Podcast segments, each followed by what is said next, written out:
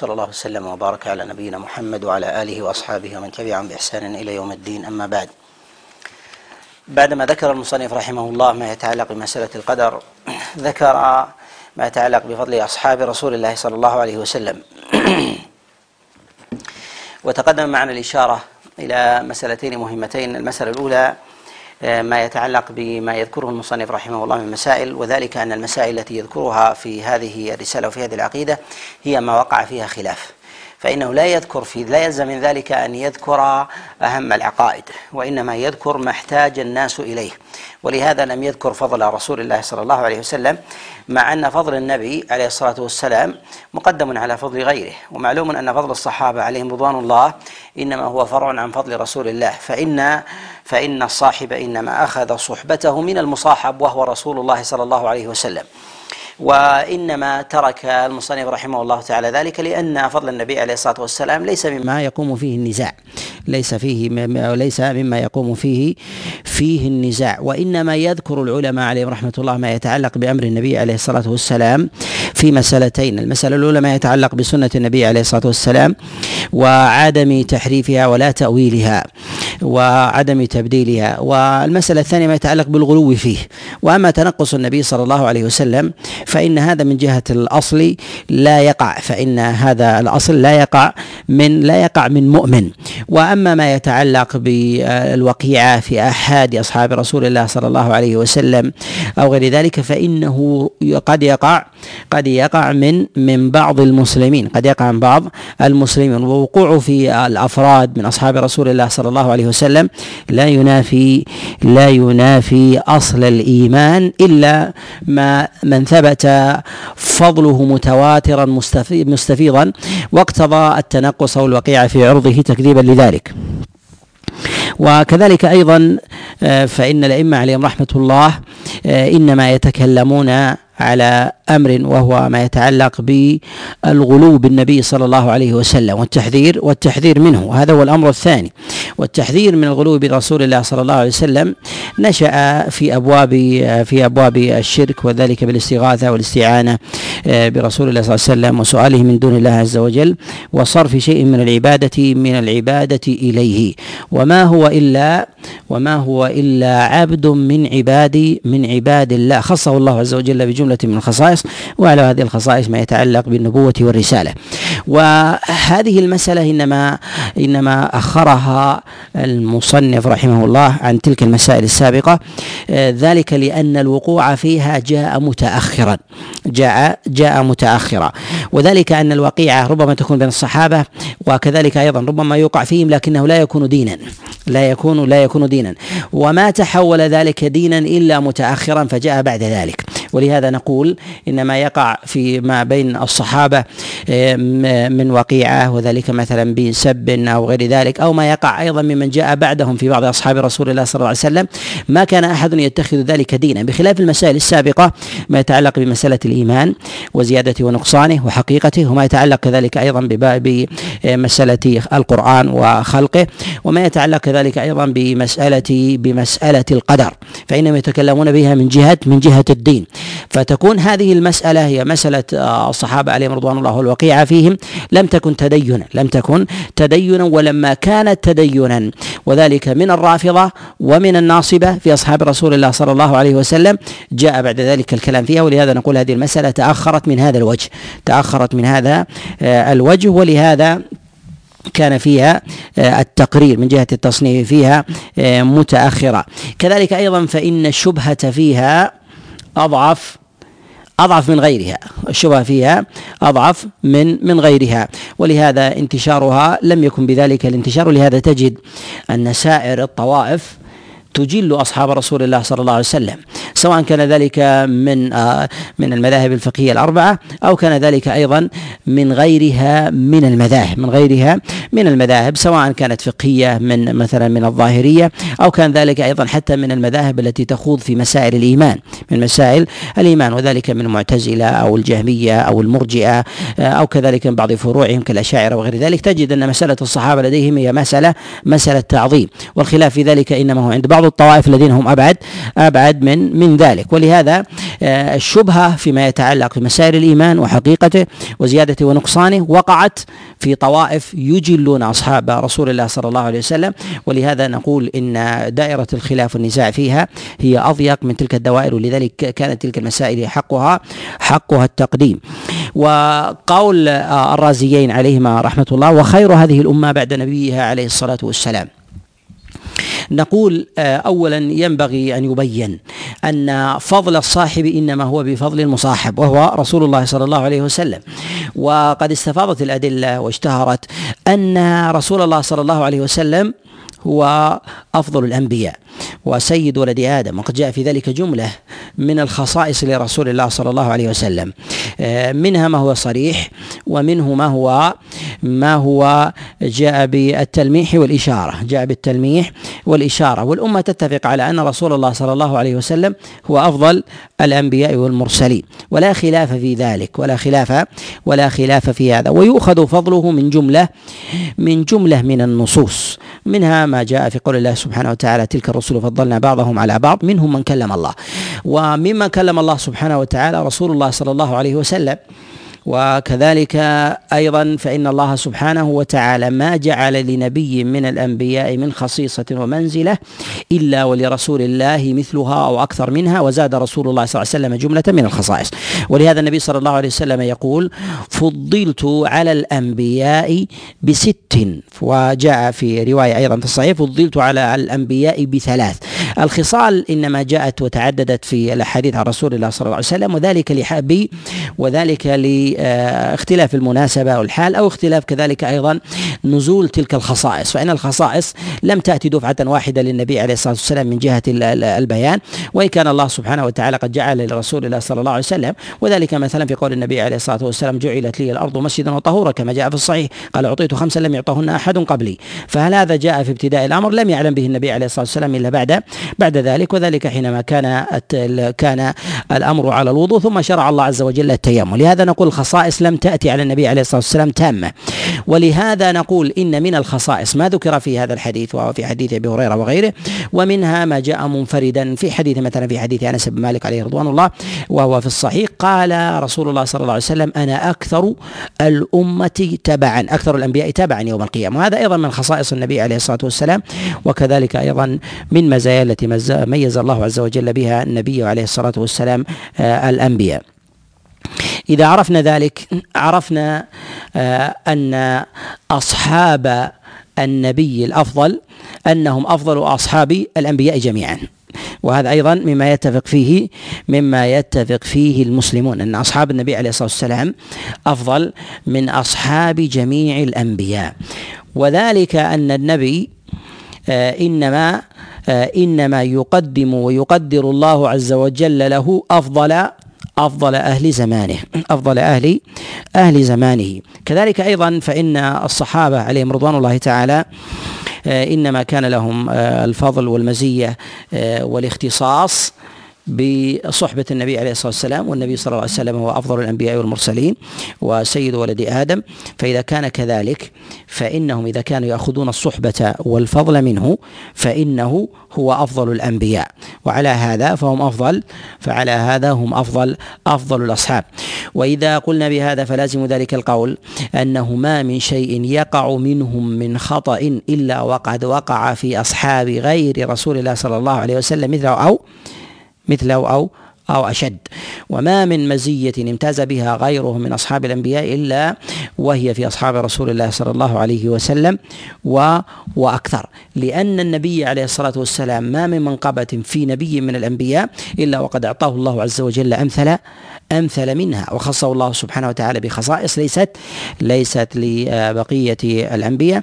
منها عموم الرسالة ومنها جعلت له الأرض مسجدا وطهورا وكذلك أيضا الشفاعة وحلت له الغنائم. وغير ذلك مما خصه الله سبحانه وتعالى وتعالى به. نقول إن ذكر فضل آه، الصحابة عليهم رضوان الله جاءت فيه نصوص. وقبل الكلام في تفاضلهم فيما بينهم وكذلك أيضا ما يتعلق المسائل المتعلقة بهذا الباب لابد أن نشير إلى أسباب التفضيل. إلى أسباب إلى أسباب التفضيل. أسباب التفضيل الذين التي فضل بها أصحاب رسول الله صلى الله صلى الله عليه وسلم. فضل أصحاب النبي عليه الصلاة والسلام على غيرهم بثلاثة أو لثلاث أسباب.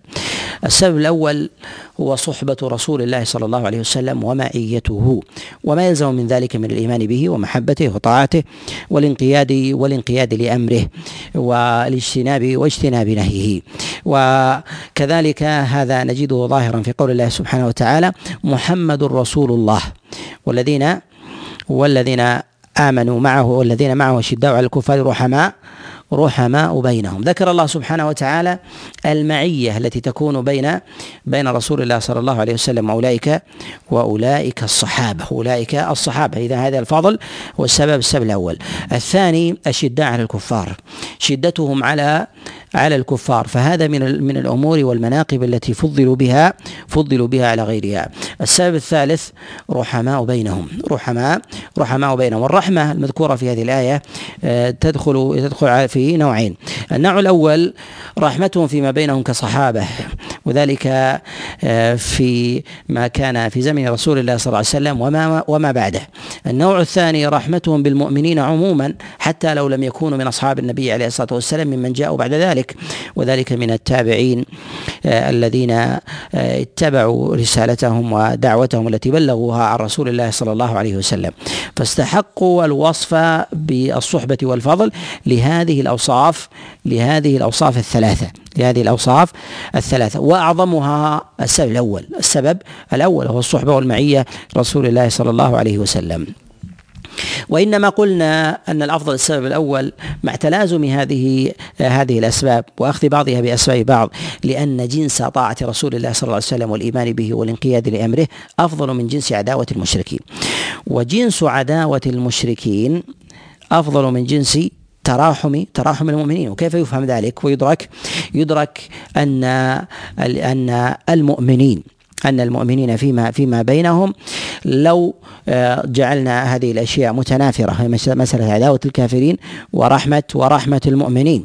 فإن نزاع المؤمنين فيما بينهم مع عداوتهم للكافرين أعظم عند الله سبحانه وتعالى من عدم من مواد من موادتهم للكافرين وترحمهم فيما وتراحمهم فيما بينهم وتراحمهم فيما فيما بينهم. وذلك أن هذا أظهر في نفي الإيمان أظهر في نفي في نفي الإيمان أن يواد أهل الإيمان وأهل الإسلام الكافرين. فيرحمونهم ويرحمون معهم المؤمنين يرحمون معهم المؤمنين.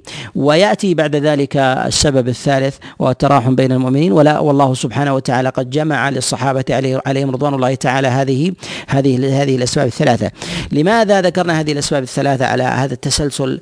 نقول هي الظاهرة في كلام الله سبحانه وتعالى بمثل هذا. آه، الترتيب. الأمر الثاني لنبين أن الله سبحانه وتعالى لم ينزع عن الصحابة عليهم رضوان الله تعالى فضلهم.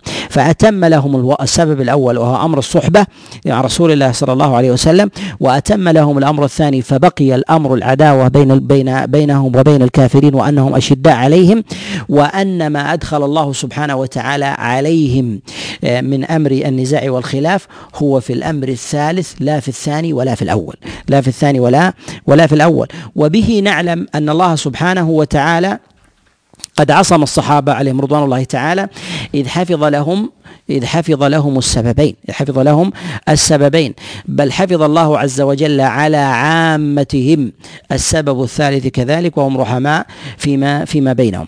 وينبغي أن نعلم وهذا من المسائل المهمة أن الله سبحانه وتعالى لما جعل السبب الأول والسبب الثاني محفوظا لأصحاب رسول الله صلى الله عليه وسلم وكذلك على جمهوره ما يتعلق بالسبب الثالث وهو الرحماء ورحماء بينهم أن الله سبحانه وتعالى قد قد قد أنزل أو أوقع فيما يكون بينهم من خطأ ونزاع وخلاف في أمر خارج عن أصل التفضيل. خارج عن أصل التفضيل الذي فضلوا به على غيرهم. على غيرهم ممن سبقهم من الأمم غير الأنبياء وعلى من جاء بعدهم من غيرهم من من غيرهم من الناس. ويتضح هذا أن كثيرا ممن يتكلم على على فضل بعض المتعبدين. على فضل بعض المتعبدين الذين يكونون مثلا في التابعين. يرى العبادة الظاهرة وينظر إليها مجردة عن غيرها والقرائن المحتفة بها. وذلك أن الله سبحانه وتعالى ذكر النبي عليه الصلاة والسلام. وذكر الذين الذين آمنوا معه الذين آمنوا معه هم الصحابة. فقضية المعية هنا محل التفضيل لا ذات العمل لا ذات لا ذات العمل. ولهذا الله سبحانه وتعالى يقول عن أبي بكر الصديق عليه رضوان الله والنبي عليه الصلاة والسلام في الغار قال قال ثاني اثنين إذ هما في الغار إذ قال إذ قال لصاحبه إذ يقول لصاحبه لا تحزن إن الله إن الله معنا. لصاحبه يعني أصل العمل في ذلك من أبي بكر هو صحبة النبي عليه الصلاة والسلام. قد يقع من أحد من الناس آه، مثل ما وقع لأبي بكر بل ربما أشد. مما يجد من ألم ومما يجد مثلا من تخفي وربما يتخفى سنوات بدلا من تخفيه ساعات. ولكن ساعة من أبي بكر خير من أعمال المتأخرين. لماذا؟ لأنها مصروفة لرسول الله صلى الله عليه وسلم نصرة وتأييدا. ولهذا من ينظر في مسائل التفضيل من ينظر لمسائل التفضيل تفضيل التابعين أو بعض المتعبدين نظر إلى العمل وما نظر إلى المصروف إليه. ولهذا عبد الله بن عمر عليه رضوان الله يقول لا تسبوا أصحاب محمد فلا ساعة فلا مقام أحدهم ساعة مع رسول الله صلى الله عليه وسلم. خير من عبادة أحدكم أربعين خريفا. وهذا في الساعة التي تكون من أصحاب رسول الله صلى الله عليه وسلم لأنها بذلت لرسول أبو بكر بذل لرسول الله صلى الله عليه وسلم في الغار ومن التأييد والتسكين والنصرة ما أوجده الله سبحانه وتعالى في نفس رسول الله بسبب أبي بكر. وأوجد أبو بكر في نفوس أعداء رسول الله من المشركين هيبة لرسول الله وحمايه وحماية له. وأما غيرهم فلو أوجدوا في نفوس الأمة من التمكين أو العزة والهيبة لا يساوي ذلك المقدار الذي تسبب أبو بكر في وجوده في في نفس رسول الله صلى الله عليه وسلم. وهذا إذا علم هذا المقدار علم أن الله سبحانه وتعالى حفظ لأصحابه ذلك المقدار. وأن ما وقع فيه أصحاب رسول الله صلى الله عليه وسلم من نزاع وخلاف ما وقع في أصحاب رسول الله صلى الله عليه وسلم من نزاع وخلاف فإن هذا النزاع وهذا الخلاف في موضع لا يسلب عنهم الصحبة. كذلك أيضا من نظر بنظر قاصر إلى بعض المتعبدين. من التابعين ومن جاء بعدهم ففضله على آحاد الصحابة. نظر إلى العمل الظاهر وما نظر إلى ما اقترن به. وما اقترن به أن الله سبحانه وتعالى مكن لرسول الله صلى الله عليه وسلم في الأرض. وتمكينه لرسول الله صلى الله عليه وسلم بأسباب ومن هذه الأسباب هم أصحاب رسول الله صلى الله عليه وسلم. وهذه الأسباب لا يمكن أن تعرف أن تعرف ب أن تعرف بالحس منها ما يعلم ومنها ما لا يعلم. وما كل فضل أصحاب رسول الله صلى الله عليه وسلم دونته الكتب ونقلته الروايات فمنه من الفضل ومن الأعمال ما لا يدركه أحد. كذلك أيضا فإن من آه، من عظيم ما فضل الله عز وجل به أصحاب رسول الله صلى الله عليه وسلم هو أنهم أعانوا رسول الله على بناء قاعدة الإسلام. وقاعدة الإسلام وتمام الدين وقيام دولة الإسلام كان بالكتاب المنزل وبأصحاب رسول الله صلى الله عليه وسلم حينما أيدوا رسول الله صلى الله عليه وسلم على ذلك. والأصل في النظر والعقل أن القاعدة أعظم مما بني عليها. لهذا القاعدة يشيد عليها بناء فلو بلغ البناء عنان السماء لا غنى له عن تلك القاعدة. لأنه لأنها لو زالت لما قامت.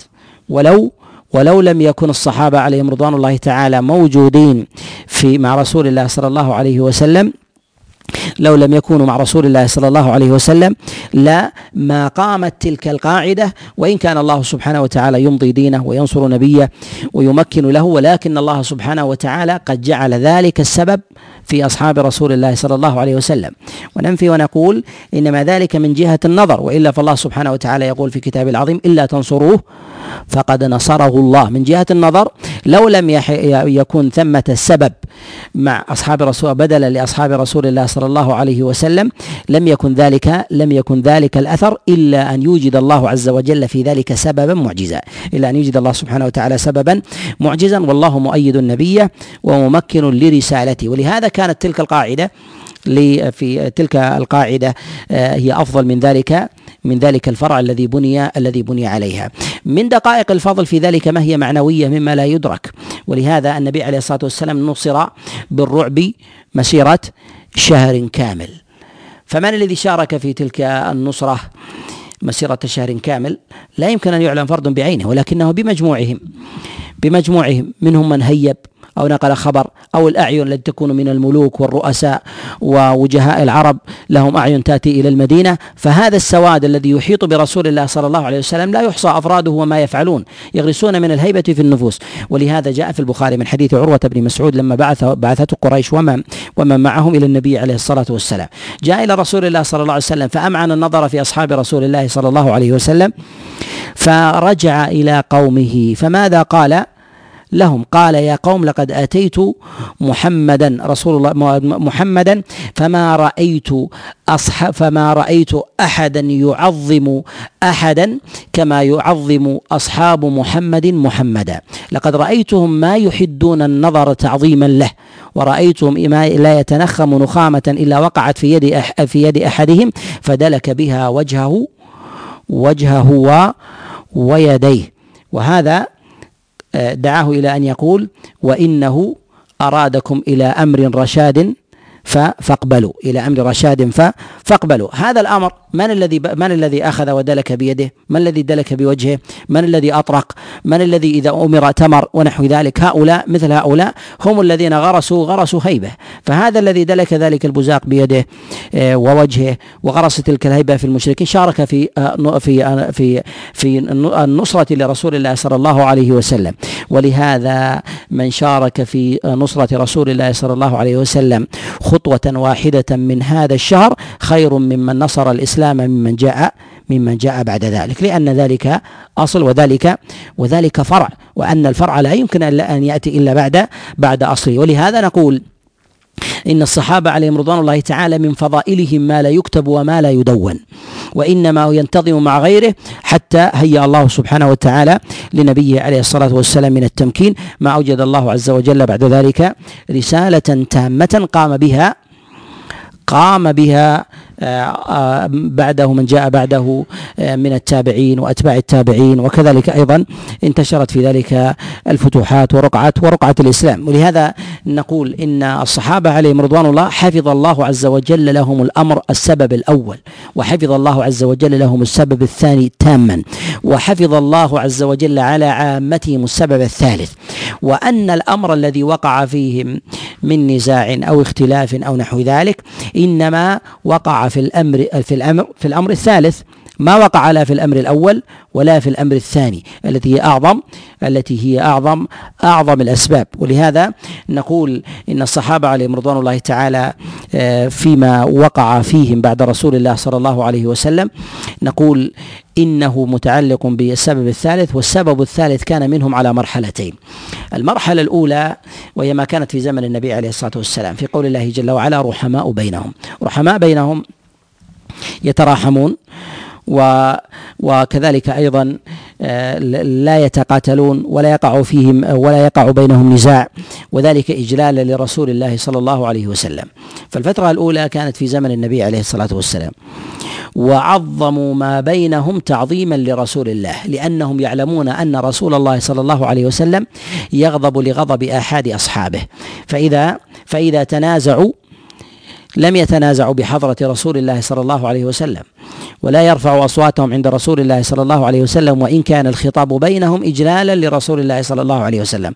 فحفظوا هذا الأمر غاية الحفظ وعلى وجه التمام. والفترة الثانية ما كان فيما بينهم بعد رسول الله صلى الله عليه وسلم.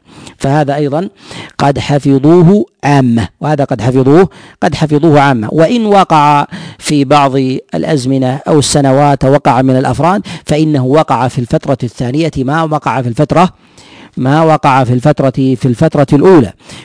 ولهذا نقول إن الله سبحانه وتعالى قد حفظ لأصحاب رسول الله صلى الله عليه وسلم صحبتهم وعصمهم الله عز وجل من انخرام وانخراط فضلهم وعدم استقامة الأمر لهم. بل بقوا بقوا في ذلك نقلة للوحي نقلة للوحي لمن جاء بعدهم. فكان من بعدهم آه، من جهة الفضل الفضل يعود إليهم ثم يرجع يرجع كله إلى رسول الله صلى الله عليه وسلم ثم يرجع بعد ذلك لله سبحانه وتعالى المتفرد فمنه فمنه بدأ جل وعلا وإليه وإليه يعود. وهنا مما ذكر المصنف رحمه الله في قوله وخير هذه الأمة بعد نبيها عليه الصلاة والسلام أبو بكر الصديق آه، ثم عمر ثم عثمان ثم علي بن أبي طالب وهم الخلفاء الراشدون المهديون. نقول أن الأنبياء إذا تفاضلوا فيما بينهم فإن تفاضل الصحابة فيما بينهم من باب أولى. فإذا جاز التفاضل في الأنبياء فإنه يجوز في الصحابة من باب أولى. والصحابة يتفاضلون والصحابة يتفاضلون وهم بمجموعهم العام على شطرين السابقون الأولون واللاحقون. واللاحقون يعني الذين جاءوا بعد بعد ذلك. والسابقون هم الذين آمنوا آمنوا قبل الفتح آمنوا قبل الفتح. واللاحقون الذين آمنوا واتبعوا رسول الله صلى الله عليه وسلم بعد الفتح. والسابقون أيضا على مراتب. فأقدمهم إسلاما أفضلهم فأقدمهم إسلاما أفضلهم. وأفضلهم الذين بايعوا رسول الله صلى الله عليه وسلم وأدركوا البيعتين. وقد قال النبي صلى الله عليه وسلم لا يدخل النار أحد بايع تحت الشجرة كما جاء كما جاء في الصحيح. وفضلهم في هذه المرحلة في مرحلة في مرحلة في المرحلة الأولى من السابق من السابقين. نقول أفضل السابقين أفضل السابقين البدريون أفضل السابقين البدريون. ثم يأتي بعد ذلك الأحديون الذين شهدوا شهدوا أحد مع رسول الله صلى الله عليه وسلم. ثم أقدمهم إسلاما أفضلهم. والأصل أن المهاجرين أفضل من الأنصار. أن المهاجرين أفضل أفضل من الأنصار. ولهذا لا يوجد في مهاجري النفاق. لا يوجد في مهاجري نفاق وإنما يوجد المهاجر وإنما يوجد النفاق في أهل المدينة. يوجد النفاق في أهل في أهل المدينة. لأن المهاجرين إنما هاجروا في حال شدة وتجرد تام فلا وجود لمطمع من الدنيا في نفوسهم بل استدبروها وتركوها في مكة. وأما بالنسبة لأهل المدينة فإن الأمر لرسول الله صلى الله عليه وسلم والشوكة له والقوة. فاختلطت النفوس في ذلك وإن كان سوادهم على اتباع لرسول الله صلى الله عليه وسلم وانقياد لأمره. ولكن لا يوجد في آحاد المهاجرين نفاق وإنما يوجد وإنما يوجد في آحاد أهل المدينة. وإنما يوجد في آحاد في آحاد أهل أهل المدينة. ولهذا فضل الله سبحانه وتعالى المهاجرين على الأنصار. فضل الله عز وجل المهاجرين على على الأنصار. ووقع في ذلك شيء من النزاع فيما يتعلق بمن بايع رسول الله صلى الله عليه وسلم قبل هجرته حينما آه، من أهل المدينة حينما أرادوا من رسول الله صلى الله عليه وسلم اللحاق بهم. هل يساويهم من هاجر بعد ذلك قبل الفتح؟ ولو ولو بسنوات يسيرة. نقول لا شك أن السابق منهم أفضل أن السابق منهم منهم أفضل وذلك لكونهم قد بايعوا رسول الله صلى الله عليه وسلم فاستحقوا الفضل بتلك البيعة. وذلك أن الله سبحانه وتعالى قد جاء قد وصفهم بأنهم يبايعون يبايعون الله. آه، ذكر الخلفاء الراشدين الأربعة وفضلهم على غيرهم هذا باتفاق باتفاق الأمة أن الخلفاء الراشدين الأربعة أفضل الأمة بعد نبيها عليه الصلاة والسلام وهم أفضل أيضا من سائر وهم أفضل من سائر من سائر الأمم إلا الأنبياء. وقد جاء تفضيلهم في جملة من الأحاديث. منها ما جاء التفضيل فيه مجملا في الخلفاء الراشدين الأربعة من غير تفصيل كما جاء في حديث العرباض بن سارية عند الإمام أحمد والترمذي أن النبي صلى الله عليه وسلم قال عليكم بسنتي وسنة الخلفاء الراشدين المهديين من بعد تمسكوا بها وعضوا عليها بالنواجذ فالحث على اتباع سنتهم إشارة على استقامة أمرهم وعلى فضلهم على غيرهم واختصاصهم بالاتباع والانقياد والامتثال للأمر واجتناب النهي أكثر من غيرهم. وهذا وهذا تفضيل لهم. وثم تفضيل خاص قد جاء لهم. والأمة مجتمعة على فضل أبي بكر وتقديمه على على غيره وتقديمه على على غيره. وهذا مما لا يختلف فيه أحد وهذا مما لا يختلف فيه أحد ممن صح إسلامه واستقام واستقام أمر دينه. وكذلك أيضا يليه بعد ذلك في الفضل عمر بن الخطاب عليه رضوان الله. وقد جاء عن عبد الله بن عمر كما جاء في البخاري قال كنا نفضل في زمن رسول الله صلى الله عليه وسلم فنقول أبو بكر ثم عمر ثم ثم عثمان. ثم عثمان. ففضلهم على هذا ففضلهم على هذا الترتيب. وقد جاء في ذلك بتفضيلهم بتفضيلهم مع غيرهم بتفضيل الخلفاء الراشدين الأربعة وقرنهم بغيرهم. وجاء في كل واحد منهم فضل خاص. وجاء في كل واحد منهم فضل خاص.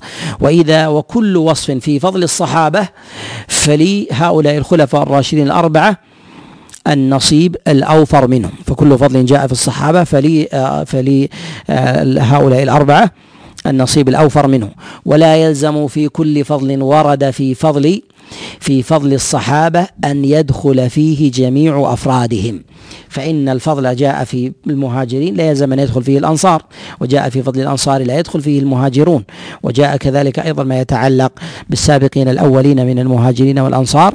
لا يدخل في ذلك ممن جاء ممن جاء بعدهم. وفضل من آمن قبل الفتح ممن آمن بعده. كل فضل جاء في متأخر فهو في حق المتقدم من باب من باب أولى.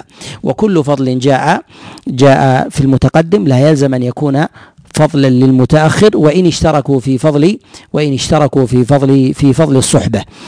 و والأمة مجتمعة.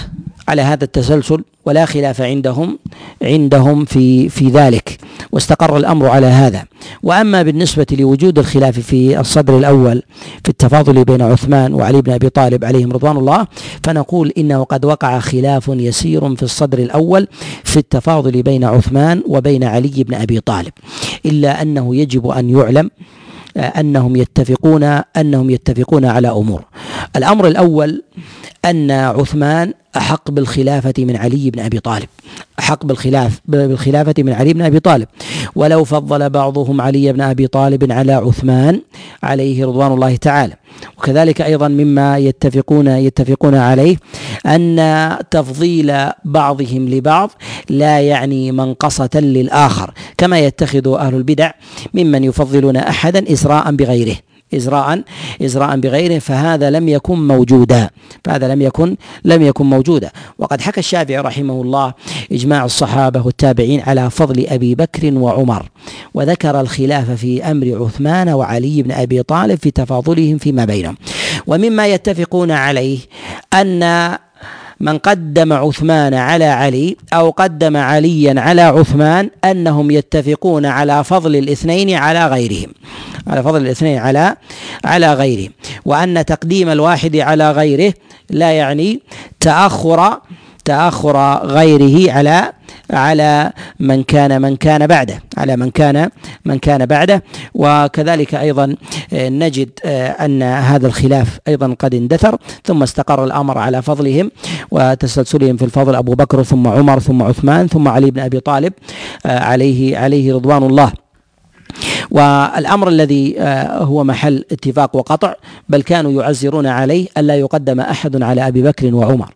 وقد صح عن علي بن أبي طالب كما جاء في البخاري أنه قال من فضلني على أبي بكر وعمر جلدته حد حد المفتري جلدته حد حد المفتري. وقد قال علي بن أبي طالب عليه رضوان الله تعالى أيضا بفضل أبي بكر آه، وعمر كما جاء عن محمد بن الحنفية أنه قال سألت آه، علي بن أبي طالب عليه رضوان الله عن أفضل هذه الأمة فقال أبو بكر قال ثم قلت ثم من؟ قال ثم عمر. قال فخشيت أن يقول عثمان فقلت أنت؟ قال ما أنا إلا ما أنا إلا من جملة من جملة الناس. ما أنا إلا من جملة من جملة الناس. وذلك أنه يريد فضل فضل أباه. يريد فضل أبيه على فضل أبيه على على غيره. ومثل هذا الأمر ربما يقع في النفس ولكن ولكن الإنسان لا لا يحيد عن عن الدليل إن ثبت إن ثبت عنده. ولهذا نقول إن الصحابة عليهم رضوان الله تعالى على التفضيل الذي فضلهم الله عز وجل به من جهة الإجمال وكذلك أيضا من جهة من جهة الأفراد فإنهم على هذا الفضل فاستقر الأمر على ذلك فاستقر الأمر الأمر على على ذلك. و هنا في قوله قال وهم الخلفاء الراشدون المهديون. وقد جاء وصف في ذلك كما جاء في حديث العرباض بن سارية عليه رضوان الله فيما تقدم. قال وعليكم بسنتي وسنة الخلفاء الراشدين المهديين من بعدي تمسكوا بها وعضوا عليها بالنواجذ. وإياكم ومحدثات الأمور. هذا في إشارة إلى الإحداث الذي يكون يكون بعد بعد ذلك. الذي يكون يكون بعد بعد ذلك. قال هنا وأن العشرة الذين سماهم رسول الله صلى الله عليه وسلم وشهد لهم بالجنة على ما شهد به رسول الله صلى الله عليه وسلم وقوله الحق وقوله وقوله الحق. نقول قد جاء رسول الله صلى الله عليه وسلم الشهادة لبعض الصحابة. منهم ما شهد له على سبيل الإجمال بنص واحد ومنهم من أفرده آه، مفردا بالشهادة. وإنما وصفوا بالعشرة لأن الخبر جاء جاء فيه واحدا في قول النبي صلى الله عليه وسلم أبو بكر في الجنة وعمر في الجنة وعثمان في الجنة وعلي وعلي بن أبي طالب في الجنة وطلحة في الجنة وعبد الرحمن في الجنة وأبو عبيدة في الجنة وسعيد بن زيد في الجنة وسعد ابن أبي وقاص في الجنة. فهؤلاء هم العشرة المبشرون بالجنة هؤلاء هم العشرة المبشرون المبشرون بالجنة. وقد بشر النبي صلى الله عليه وسلم غيرهم. وقد بشر الله سبحانه وتعالى غيرهم على لسان نبيه صلى الله عليه وسلم بالجنة فبشرت أزواجه بالجنة. وكذلك أيضا بشرت فاطمة ابنته بالجنة وبلال بالجنة وعكاشة بن محصن بالجنة وجعفر بالجنة. وإنما يخص العلماء للشهادة لهؤلاء العشرة بالجنة. آه، لأنهم جاءوا في خبر واحد واستفاض فيهم الأمر واستفاض كذلك أيضا فيهم فيهم الفضل. وهم أيضا أفضل السابقين الأولين وكذلك أيضا فإنهم قد اشتركوا بأمر أنهم من السابقين وأنهم من المهاجرين. وهذا يؤكد ما تقدم في فضل المهاجرين على الأنصار. وهذا يؤكد ما تقدم في فضل المهاجرين المهاجرين على الأنصار. قال بعد ذلك والترحم على جميع أصحاب محمد صلى الله عليه وسلم والكف عما شجر بينهم. الإشارة إلى ما شجر بين أصحاب رسول الله صلى الله عليه وسلم من آه، خلاف ونزاع. نقول آه، يشيرون إلى ذلك لأنه قد وقع بين أصحاب النبي صلى الله عليه وسلم خلاف. وقع بينهم شيء من النزاع والخصومة.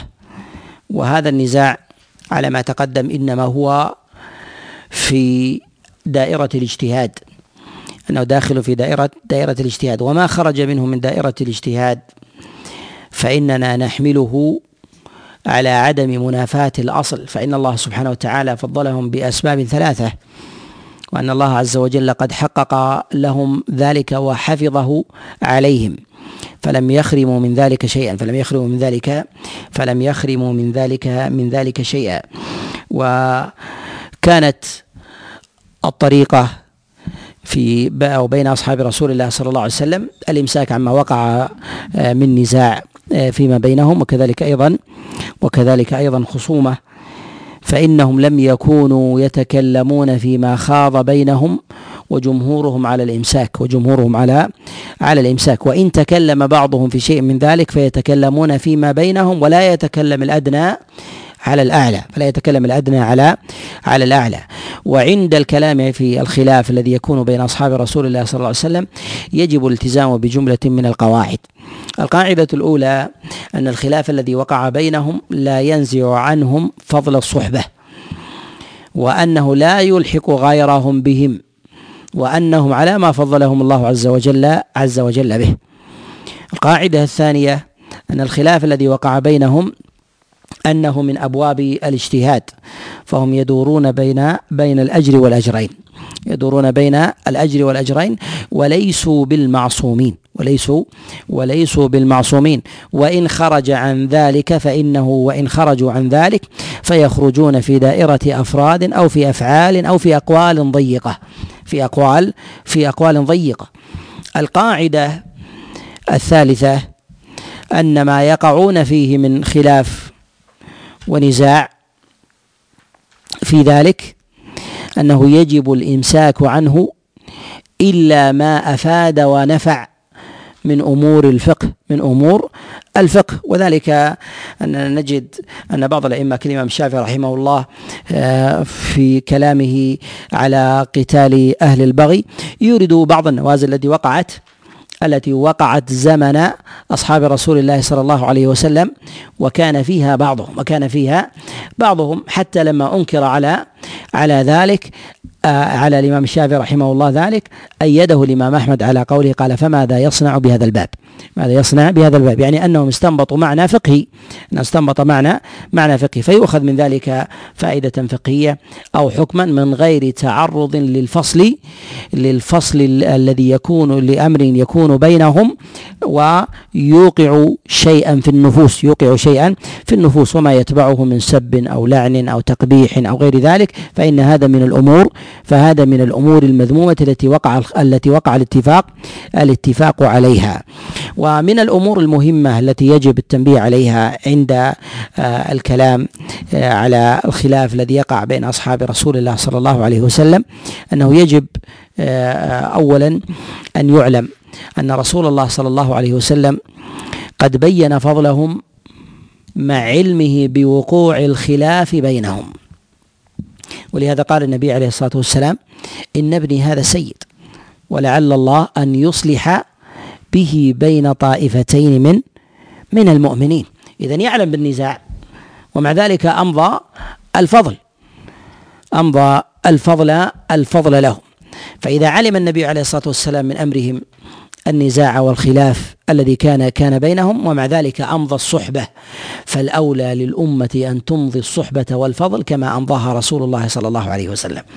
وأن سلبهم إياها والوقوع فيهم فيهم لأجل ذلك أن هذا تعدي على رسول الله صلى الله عليه وسلم ومجاوزة لأمره وحكمه عليه الصلاة والسلام.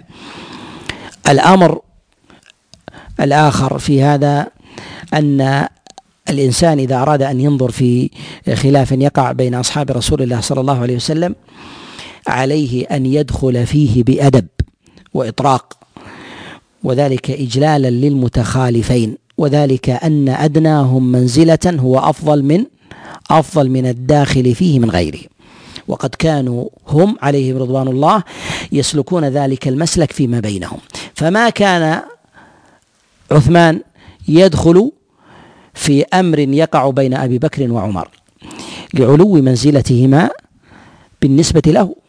وما كان علي بن أبي طالب يدخل في الخلاف الذي يكون بين عمر وبين عثمان. وكذلك أيضا من كان بعدهم ما كانوا يدخلون فيه إلا إلا بأدب وإجلال مما كان مما يكون بين عثمان وعلي وغير ذلك من مسائل من مسائل خلاف خلاف الاجتهاد. ولهذا نقول ينبغي للإنسان إذا أراد أن يتكلم في مسألة من مسائل الخلاف الذي يكون بين الفاضلين أن ينظر إلى منزلته إليهما قبل الخوض في المسائل التي وقع النزاع فيها. وقع النزاع فيها حتى يدخل إليها بإجلال و واحترام وتعظيم. وذلك كدخول الإنسان في نزاعه في نزاع والديه فيما بينهما. فانهم فإنهم فيما بينهم يكون بينهم النزاع والخلاف. وذلك لعلو منزلتهما وتبادل الحق بينهما. وتبادل الحق بينهما. فربما يخطئ أحدهما على الآخر فمع خطئه فهو أحق بالفضل ممن ممن دونه. وذلك بأمر البنوة مع مع الأبوة. ولو عرف المخطئ منهما فإنه يتعامل معه بأدب. إنه يتعامل معه بأدب. ولو تجلى خطأه فهو مع خطئه أفضل منك مع صوابك. أفضل منك مع مع صوابك. وذلك لما تقدم من جلالة الفضل والسابقة التي حفظها الله سبحانه وتعالى لهم وأبقاها عليهم وهي صحبة رسول الله صلى الله عليه وسلم. ولهذا قال النبي صلى الله عليه وسلم لا تسبوا أصحابي فوالذي نفسي بيده. لو أنفق أحدكم مثل أحد ذهبا ما بلغ مد أحدهم ولا ولا نصيفه.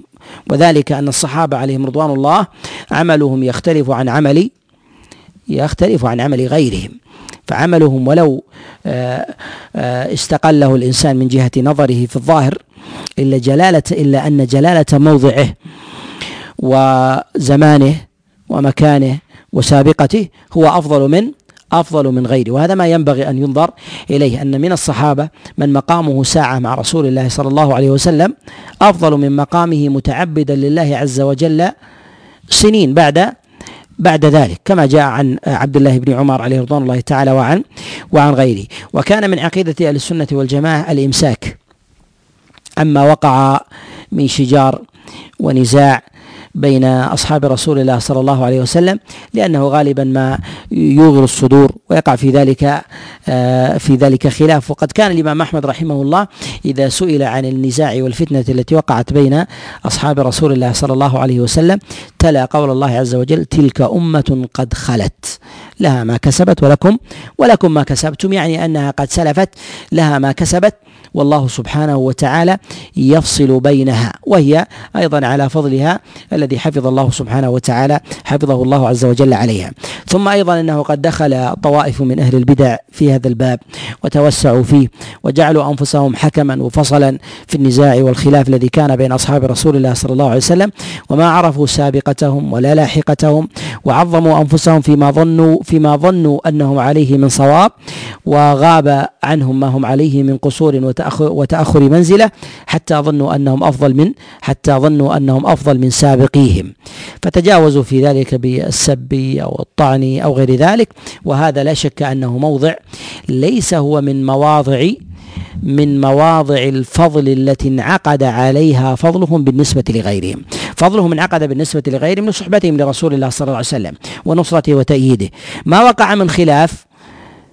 اختلفت الجهة. لم يكن خلافهم مع رسول الله وإنما خلافهم فيما خلافهم فيما بينهم.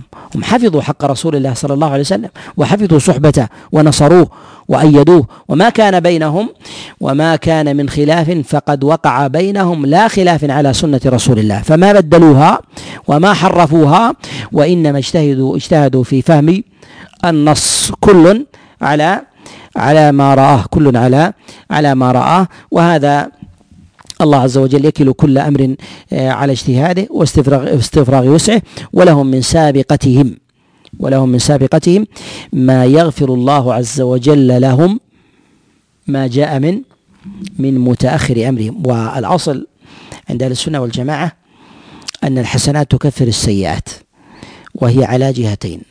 الجهة الأولى أن الحسنة إذا جاءت لاحقة تكفر السيئة السابقة. الأمر الثاني أن الحسنة إذا كانت سابقة كفرت السيئة اللاحقة. كفرت السيئة اللاحقة.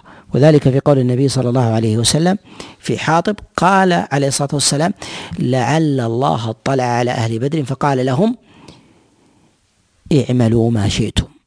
في هذا دليل أن الله قد يغفر لعبده زلته اللاحقة بحسنته السابقة وأنه لا يلزم من غفران الذنب بالحسنات في قول الله عز وجل إن الحسنات يذهبن السيئات أن الحسنة لابد أن تكون أن تكون لاحقة للسيئة وأن السيئة تكون سابقة سابقة لها. وكذلك أيضا في قول النبي صلى الله عليه وسلم ما ضر عثمان ما فعل بعد اليوم فسيئته حسنته السابقة تغفر له ما يكون بعد بعد ذلك. وهذا ما يجهله الخام من الخائضين في هذا في هذا الباب في فضل أصحاب رسول الله صلى الله عليه وسلم وعظم سابقتهم. فنظروا إلى فنظروا إلى إلى المخالفة اللاحقة وما نظروا إلى إلى الموافقة السابقة. فجعلهم ذلك فجعلهم ذلك يستسهلون الوقيعة في أصحاب رسول الله صلى الله عليه وسلم. والنبي عليه الصلاة والسلام يعلم بالخلاف كما تقدم الإشارة إليه وكما جاء في حديث أبي موسى وفي الصحيح أن النبي صلى الله عليه وسلم صلى بأصحابه صلاة المغرب ثم خرج فقال أصحاب رسول الله صلى الله عليه وسلم نجلس معه حتى نصلي صلاة العشاء. قال فرجع إلينا. فقال ما زلتم مكانكم؟ قالوا نعم. فقال رسول الله صلى الله عليه وسلم ونظر إلى السماء وكان كثيرا ما ينظر إليها. قال النجوم أمنة للسماء فإذا ذهبت السماء أتى فإذا ذهبت النجوم أتى السماء ما توعد. وأنا أمنة لأصحابي فإذا ذهبت أتى أصحابي ما يوعدون. وأصحابي أمنة لأمتي فإذا ذهب أصحابي أتى أمتي أمتي ما يوعدون. وما يوعدون من ذلك من الخلاف وكذلك أيضا من آه، النزاع وكذلك أيضا الشقاق وغير ذلك. ومن آه، ثمة آه، مسائل تتعلق في الوقيعة في أصحاب رسول الله صلى الله عليه وسلم وهي ربما تكون من المقاصد عند بعض أهل البدع والطوائف الوقيعة في الصحابة لأن الوقيعة فيهم وقيعة في الشريعة. فبعضهم يتخذ الوقيعة في الصحابة ذريعة لإغلاق باب الشريعة وإسقاط وإسقاط وصول الوحي لأنهم هم نقلة الوحي. هم نقلت الوحي كتابا كتابا وسنة. وكلما أسقطت واحدا أسقطت حاملا. وبمقدار ما حمل وبمقدار ما نقل فإنه ينقص من دين الله سبحانه وتعالى بمقدار ذلك عنده. ولهذا لما أسقط الرافضة الصحابة عليهم رضوان الله تعالى جميعا إلا نفرا يسيرا غاب عنهم الوحي فتخبطوا فأخذوا فأخذوا أقوالا لبشر وافتروا على الله عز وجل كذبا فوقعت فيهم الخرافة. والضلال والزيغ لأنهم كذبوا على الله سبحانه وتعالى فأدخل فدخل في دين الله عز وجل ما ليس منه فكانوا أكثر الطوائف بدعة وضلالا وكفرا وشرا. والسبب في ذلك أن القدر الذي أسقطوه من الصحابة أكثر من القدر الذي الذي وقع فيه غير وقع فيه غيرهم. فكان الضلال عندهم أكثر من الضلال عند النواصب وغيرهم. والضلال في الرافضة أشد من الضلال في في الخوارج. في الخوارج. والمحفوظ من دين الله عز وجل عند الخوارج أكثر من المحفوظ من دين الله عز وجل عند عند الرافضة وذلك بمقدار ما أسقطوه من النقلة العدول. وأهل السنة قد حفظ الله عز وجل لهم لهم الدين بحفظهم لأولئك النقلة ومنزلتهم ووضع ما وقعوا فيه وما ورد فيهم من خطأ بموضعه الذي الذي وضعه الله عز وجل فيه من دائرة الاجتهاد أو من دائرة الخطأ المغفور. الخطأ المغفور لأنهم ليسوا ليسوا بمعصومين ليسوا بمعصومين. ثم أيضا يجب أن يعلم أنه ما من خطأ وقع فيه أصحاب رسول الله صلى الله عليه وسلم فيما بينهم إلا وقد وقع في أفرادهم في فيما بينهم في زمن رسول الله صلى الله عليه وسلم من جنسه. فإذا كان ثمة اختلاف على قول فوقع في فيما بينهم في زمن النبي عليه الصلاة والسلام. وإذا كان وقع بينهم اقتتال فوقع بينهم فوقع في أفرادهم قاتل ومقتول. قاتل ومقتول. وإذا وقع فيما بينهم بعد ذلك من الوقيعة باللسان من السب أو غير ذلك فقد وقع أصله بين أفراد والنبي صلى الله عليه وسلم موجود. فإذا وقع أصله وجنسه في زمن النبي عليه الصلاة والسلام ومع ذلك ما ما ما, ما سلب النبي صلى الله عليه وسلم أولئك آه، أولئك النفر الفضل والصحبة والمنزلة فإنه كذلك لمن جاء بعدهم من باب أولى. ولكنه كثر فيهم أكثر مما كان في زمن النبي عليه الصلاة والسلام وذلك لغياب الوحي لأن النبي صلى الله عليه وسلم كان يفصل بينهم النزاع وكانوا يأتمرون بأمره ويمتثلون لحكمه وقضائه فيما بينهم ولما انقطع الوحي رجع كل واحد منهم إلى إلى الاجتهاد فيما لم ير فيه حكما ظاهرا وفصلا بينا من كلام الله وكلام رسول الله صلى الله عليه وسلم. ولهذا نقول إن النبي صلى الله عليه وسلم لما كان آه، في زمانه آه، وقع ذلك ولم يسلب أولئك الأفراد الفضل ولا الصحبة وبقوا على ما هم عليه في عموم ذلك الفضل فإنه يلحق يلحقهم ذلك فيما بعد بعد ذلك. وحتى ما وقع فيما بعد ذلك وذلك من المخالفة الكبرى وهي وهي الردة.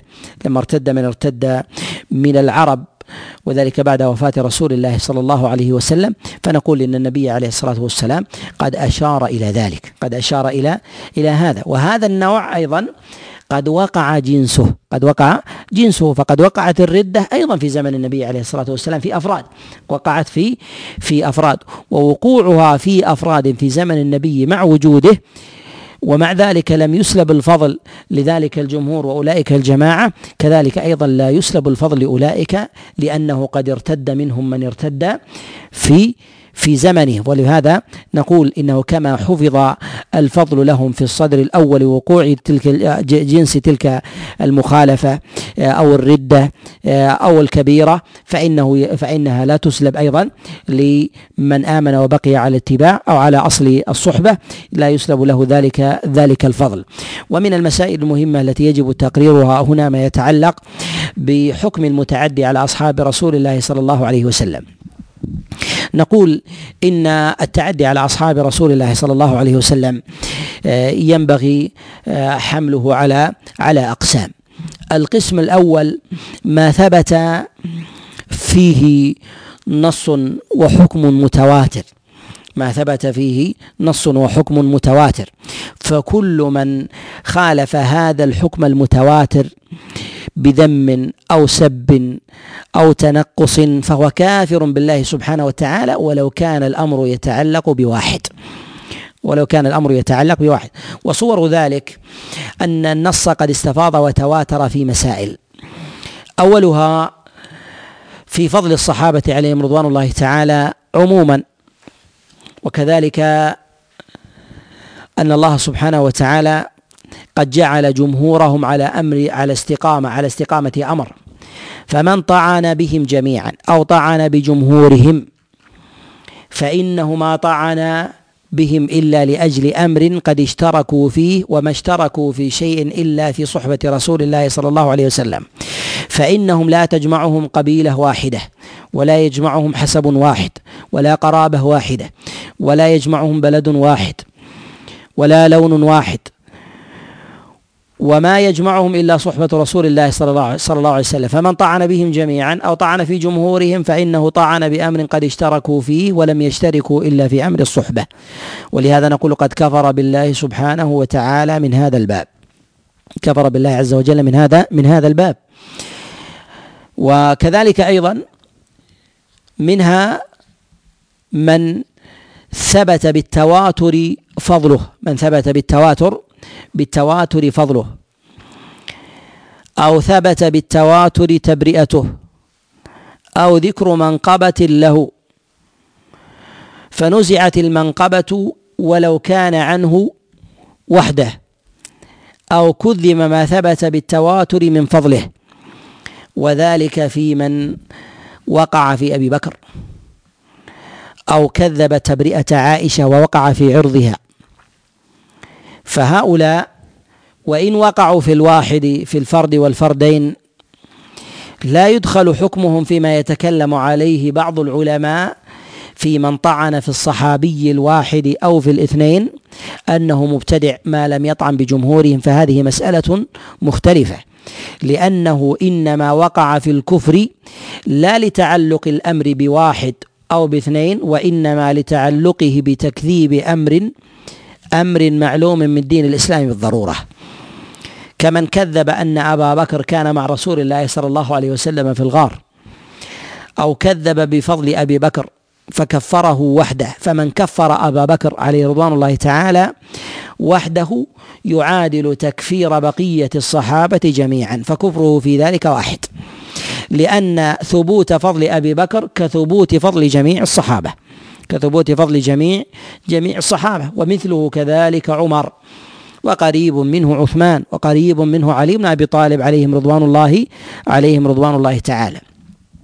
وكذلك أيضا من اتهم أح من اتهم أحد أزواج النبي صلى الله عليه وسلم بالفاحشة سواء كانت عائشة أو غير عائشة فهو كافر بالله سبحانه وتعالى.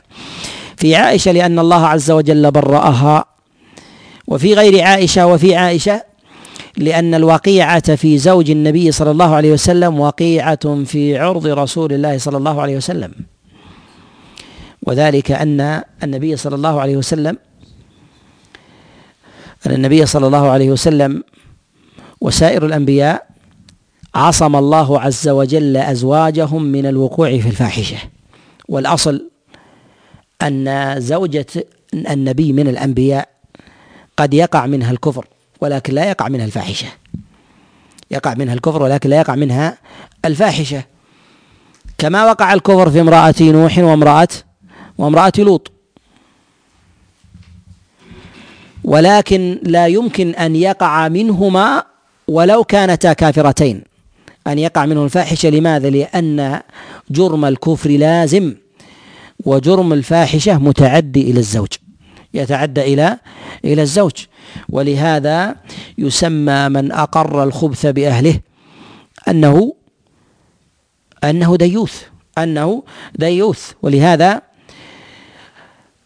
جوز الله سبحانه وتعالى وقوع ذلك من نساء الأنبياء عن الكفر وما جوز وقوع الفاحشة لتعديها إلى النبي وإلى نسبه إلى النبي وإلى وإلى نسبه. ولهذا نقول يقع فيه الكفر من جهتيه. يقع الكفر فيه فيه من جهتيه في عائشة وكذلك أيضا في من جهة واحدة في بقية أمهات المؤمنين لأنه يتعدى إلى رسول الله صلى الله عليه وسلم. يتعدى إلى رسول الله صلى الله عليه وسلم. وأما ما يقع في غيرهن من غيرهن من نساء أصحاب رسول الله من من نساء الصحابة عليهم رضوان الله تعالى فذلك له له حكم مختلف مع كونه جرما وإثما مبينا كونه جرما وإثما وإثما آه، مبينا. والثانية فيما يتعلق بالوقيعة في أصحاب في الصحابة عليهم رضوان الله تعالى ما كان ما كان في أمر لم يثبت به دليل قطعي لم يثبت به دليل دليل قطعي ولم يكن معلوما من دين الإسلام من الإسلام بالضرورة. وذلك بالوقيعة في الواحد منهم ووصفه بشيء لا يشترك فيه مع غيره. وذلك أن الصحابة يتباينون من جهة الحدة والغضب والقوة والضعف والكرم والبخل والشجاعة والجبن فهذه مراتب يتباين الناس فيها يتباين الناس الناس فيها. فمن وصف أحدا من أصحاب رسول الله صلى الله عليه وسلم بشيء من صفات بشيء من صفات التنقص والاحتقار والازدراء فإنه مبتدع ضال فإنه مبتدع ضال. كمن يصف واحدا منهم بالبخل أو يصف واحدا منهم بالجبن أو يصف واحدا منهم بالضعف والخور أو غير ذلك أو غير ذلك من الصفات أو غير ذلك من من الصفات. وإنما قيل بابتداعه مع القول بعدم عصمة أصحاب رسول الله صلى الله عليه وسلم وذلك وذلك لأسباب. أولها أن هذا من الأبواب التي يتخذها أهل البدع للدخول فيما هو أكبر منها فيما هو أكبر أكبر منه. فالوقيعة في وصف واحد منهم بالبخل هو ذريعة للوقوع فيما هو أكبر من ذلك فيه وفي غيره فيه وفي وفي غيره. فنقول هذا هذه بدعة وضلالة هذه بدعة وضلالة وذريعة إلى غيرها. الأمر الثاني أن مثل هذه الأوصاف لا أثر لها لا أثر بها على المتكلم. فحينما يقع بين الصحابة وصف واحد منهم للآخر بالضعف أو يصفه بالبخل أو غير ذلك فإنه يقع بينهم مثل هذا الكلام وذلك لعلو منزلتهم. ليس لأحد من دونهم أن يقوم مقام أحدهم فيتكلم بالآخر فيتكلم بالآخر لأن ذلك يعني الصحابة فيما بينهم. ولكن لا يعني من كان بعدهم ما كان ما كان في الصحابة من خصال متباينة ما كان في الصحابة من خصال من خصال متباينة الأمر الثالث أن ذلك يكون ذريعة للطعن بالشريعة للطعن بالشريعة. فإذا وصف الواحد منهم بالجبن وعدم وعدم الشجاعة أو وصف واحد منهم بفرط القوة عن الحد المشروع أو الشجاعة المخالفة للمشروع ذريعة للطعن بما نقله من وحي. أنه ربما كان مجاهدا ففعل أو كان مقاتلا فانحاز. فيؤول قوله ذلك أنه جراءة عن الحد المشروع أو نكوص عما أمر عما أمر به. فيتسلل بذلك إلى إلى تبديل الشريعة وتحريفها إلى تبديل الشريعة وتحريفها. ولهذا نقول وإن جاز على بعض أفرادهم من الخطأ وما يجوز على النفوس البشرية فإن مثل فإن الإمساك عن ذلك واجب فإن الإمساك عن ذلك عن ذلك واجب. وكذلك أيضا فإن هذا من طرائق أهل البدع أنهم يجعلونه بابا للدخول إلى إلى غيره. وكذلك أيضا فإن من نهج أهل السنة والجماعة وطرائق السلف في التعامل آه، في آه، التعامل بروايات الخلاف التي تكون بين الصحابة وغير ذلك أنهم آه، يمرونها كما جاءت من غير خوض فيها إلا بما يستفاد منه حكما. إلا ما يستفاد منه حكما فقهيا. وما يفيد الإنسان عبرة وعظة وما يفيد الإنسان عبرة عبرة وعظة من غير أن يكون الإنسان حكما أو قاضيا بين المتنازعين. يقضي لهذا ويفصل لهذا ولا أثر لذلك عليه. لا في حكم في مسألة فقهية ولا اعتبار له في ذلك. وكذلك أيضا من غير إكثار في الكلام في ذلك عند عامة الناس عند عامة الناس ممن لا يعنيهم ذلك ذلك الخلاف. ولهذا من نظر في آه، الكتب المصنفة كالكتب الستة ومسند الإمام أحمد تجد أنهم لم يوردوا شيئا من هذا النوع لم يردوا شيئا من هذا من هذا النوع إلا نزرا يسيرا له أثر في أبواب الأحكام. له أثر في أبواب الأحكام أو له أثر في أبواب الاعتبار والاتعاظ والاستبصار وغير ذلك. أما ما عدا ذلك فإنهم يحجمون عنه ولو كان بأصح الأسانيد. ومن نظر في الصحيحين ونظر في السنن الأربع ونظر في مسند الإمام أحمد يجد أنهم يجرون على هذا على هذه القاعدة. ونكتفي بهذا القدر. وصلى الله وسلم وبارك على نبينا محمد.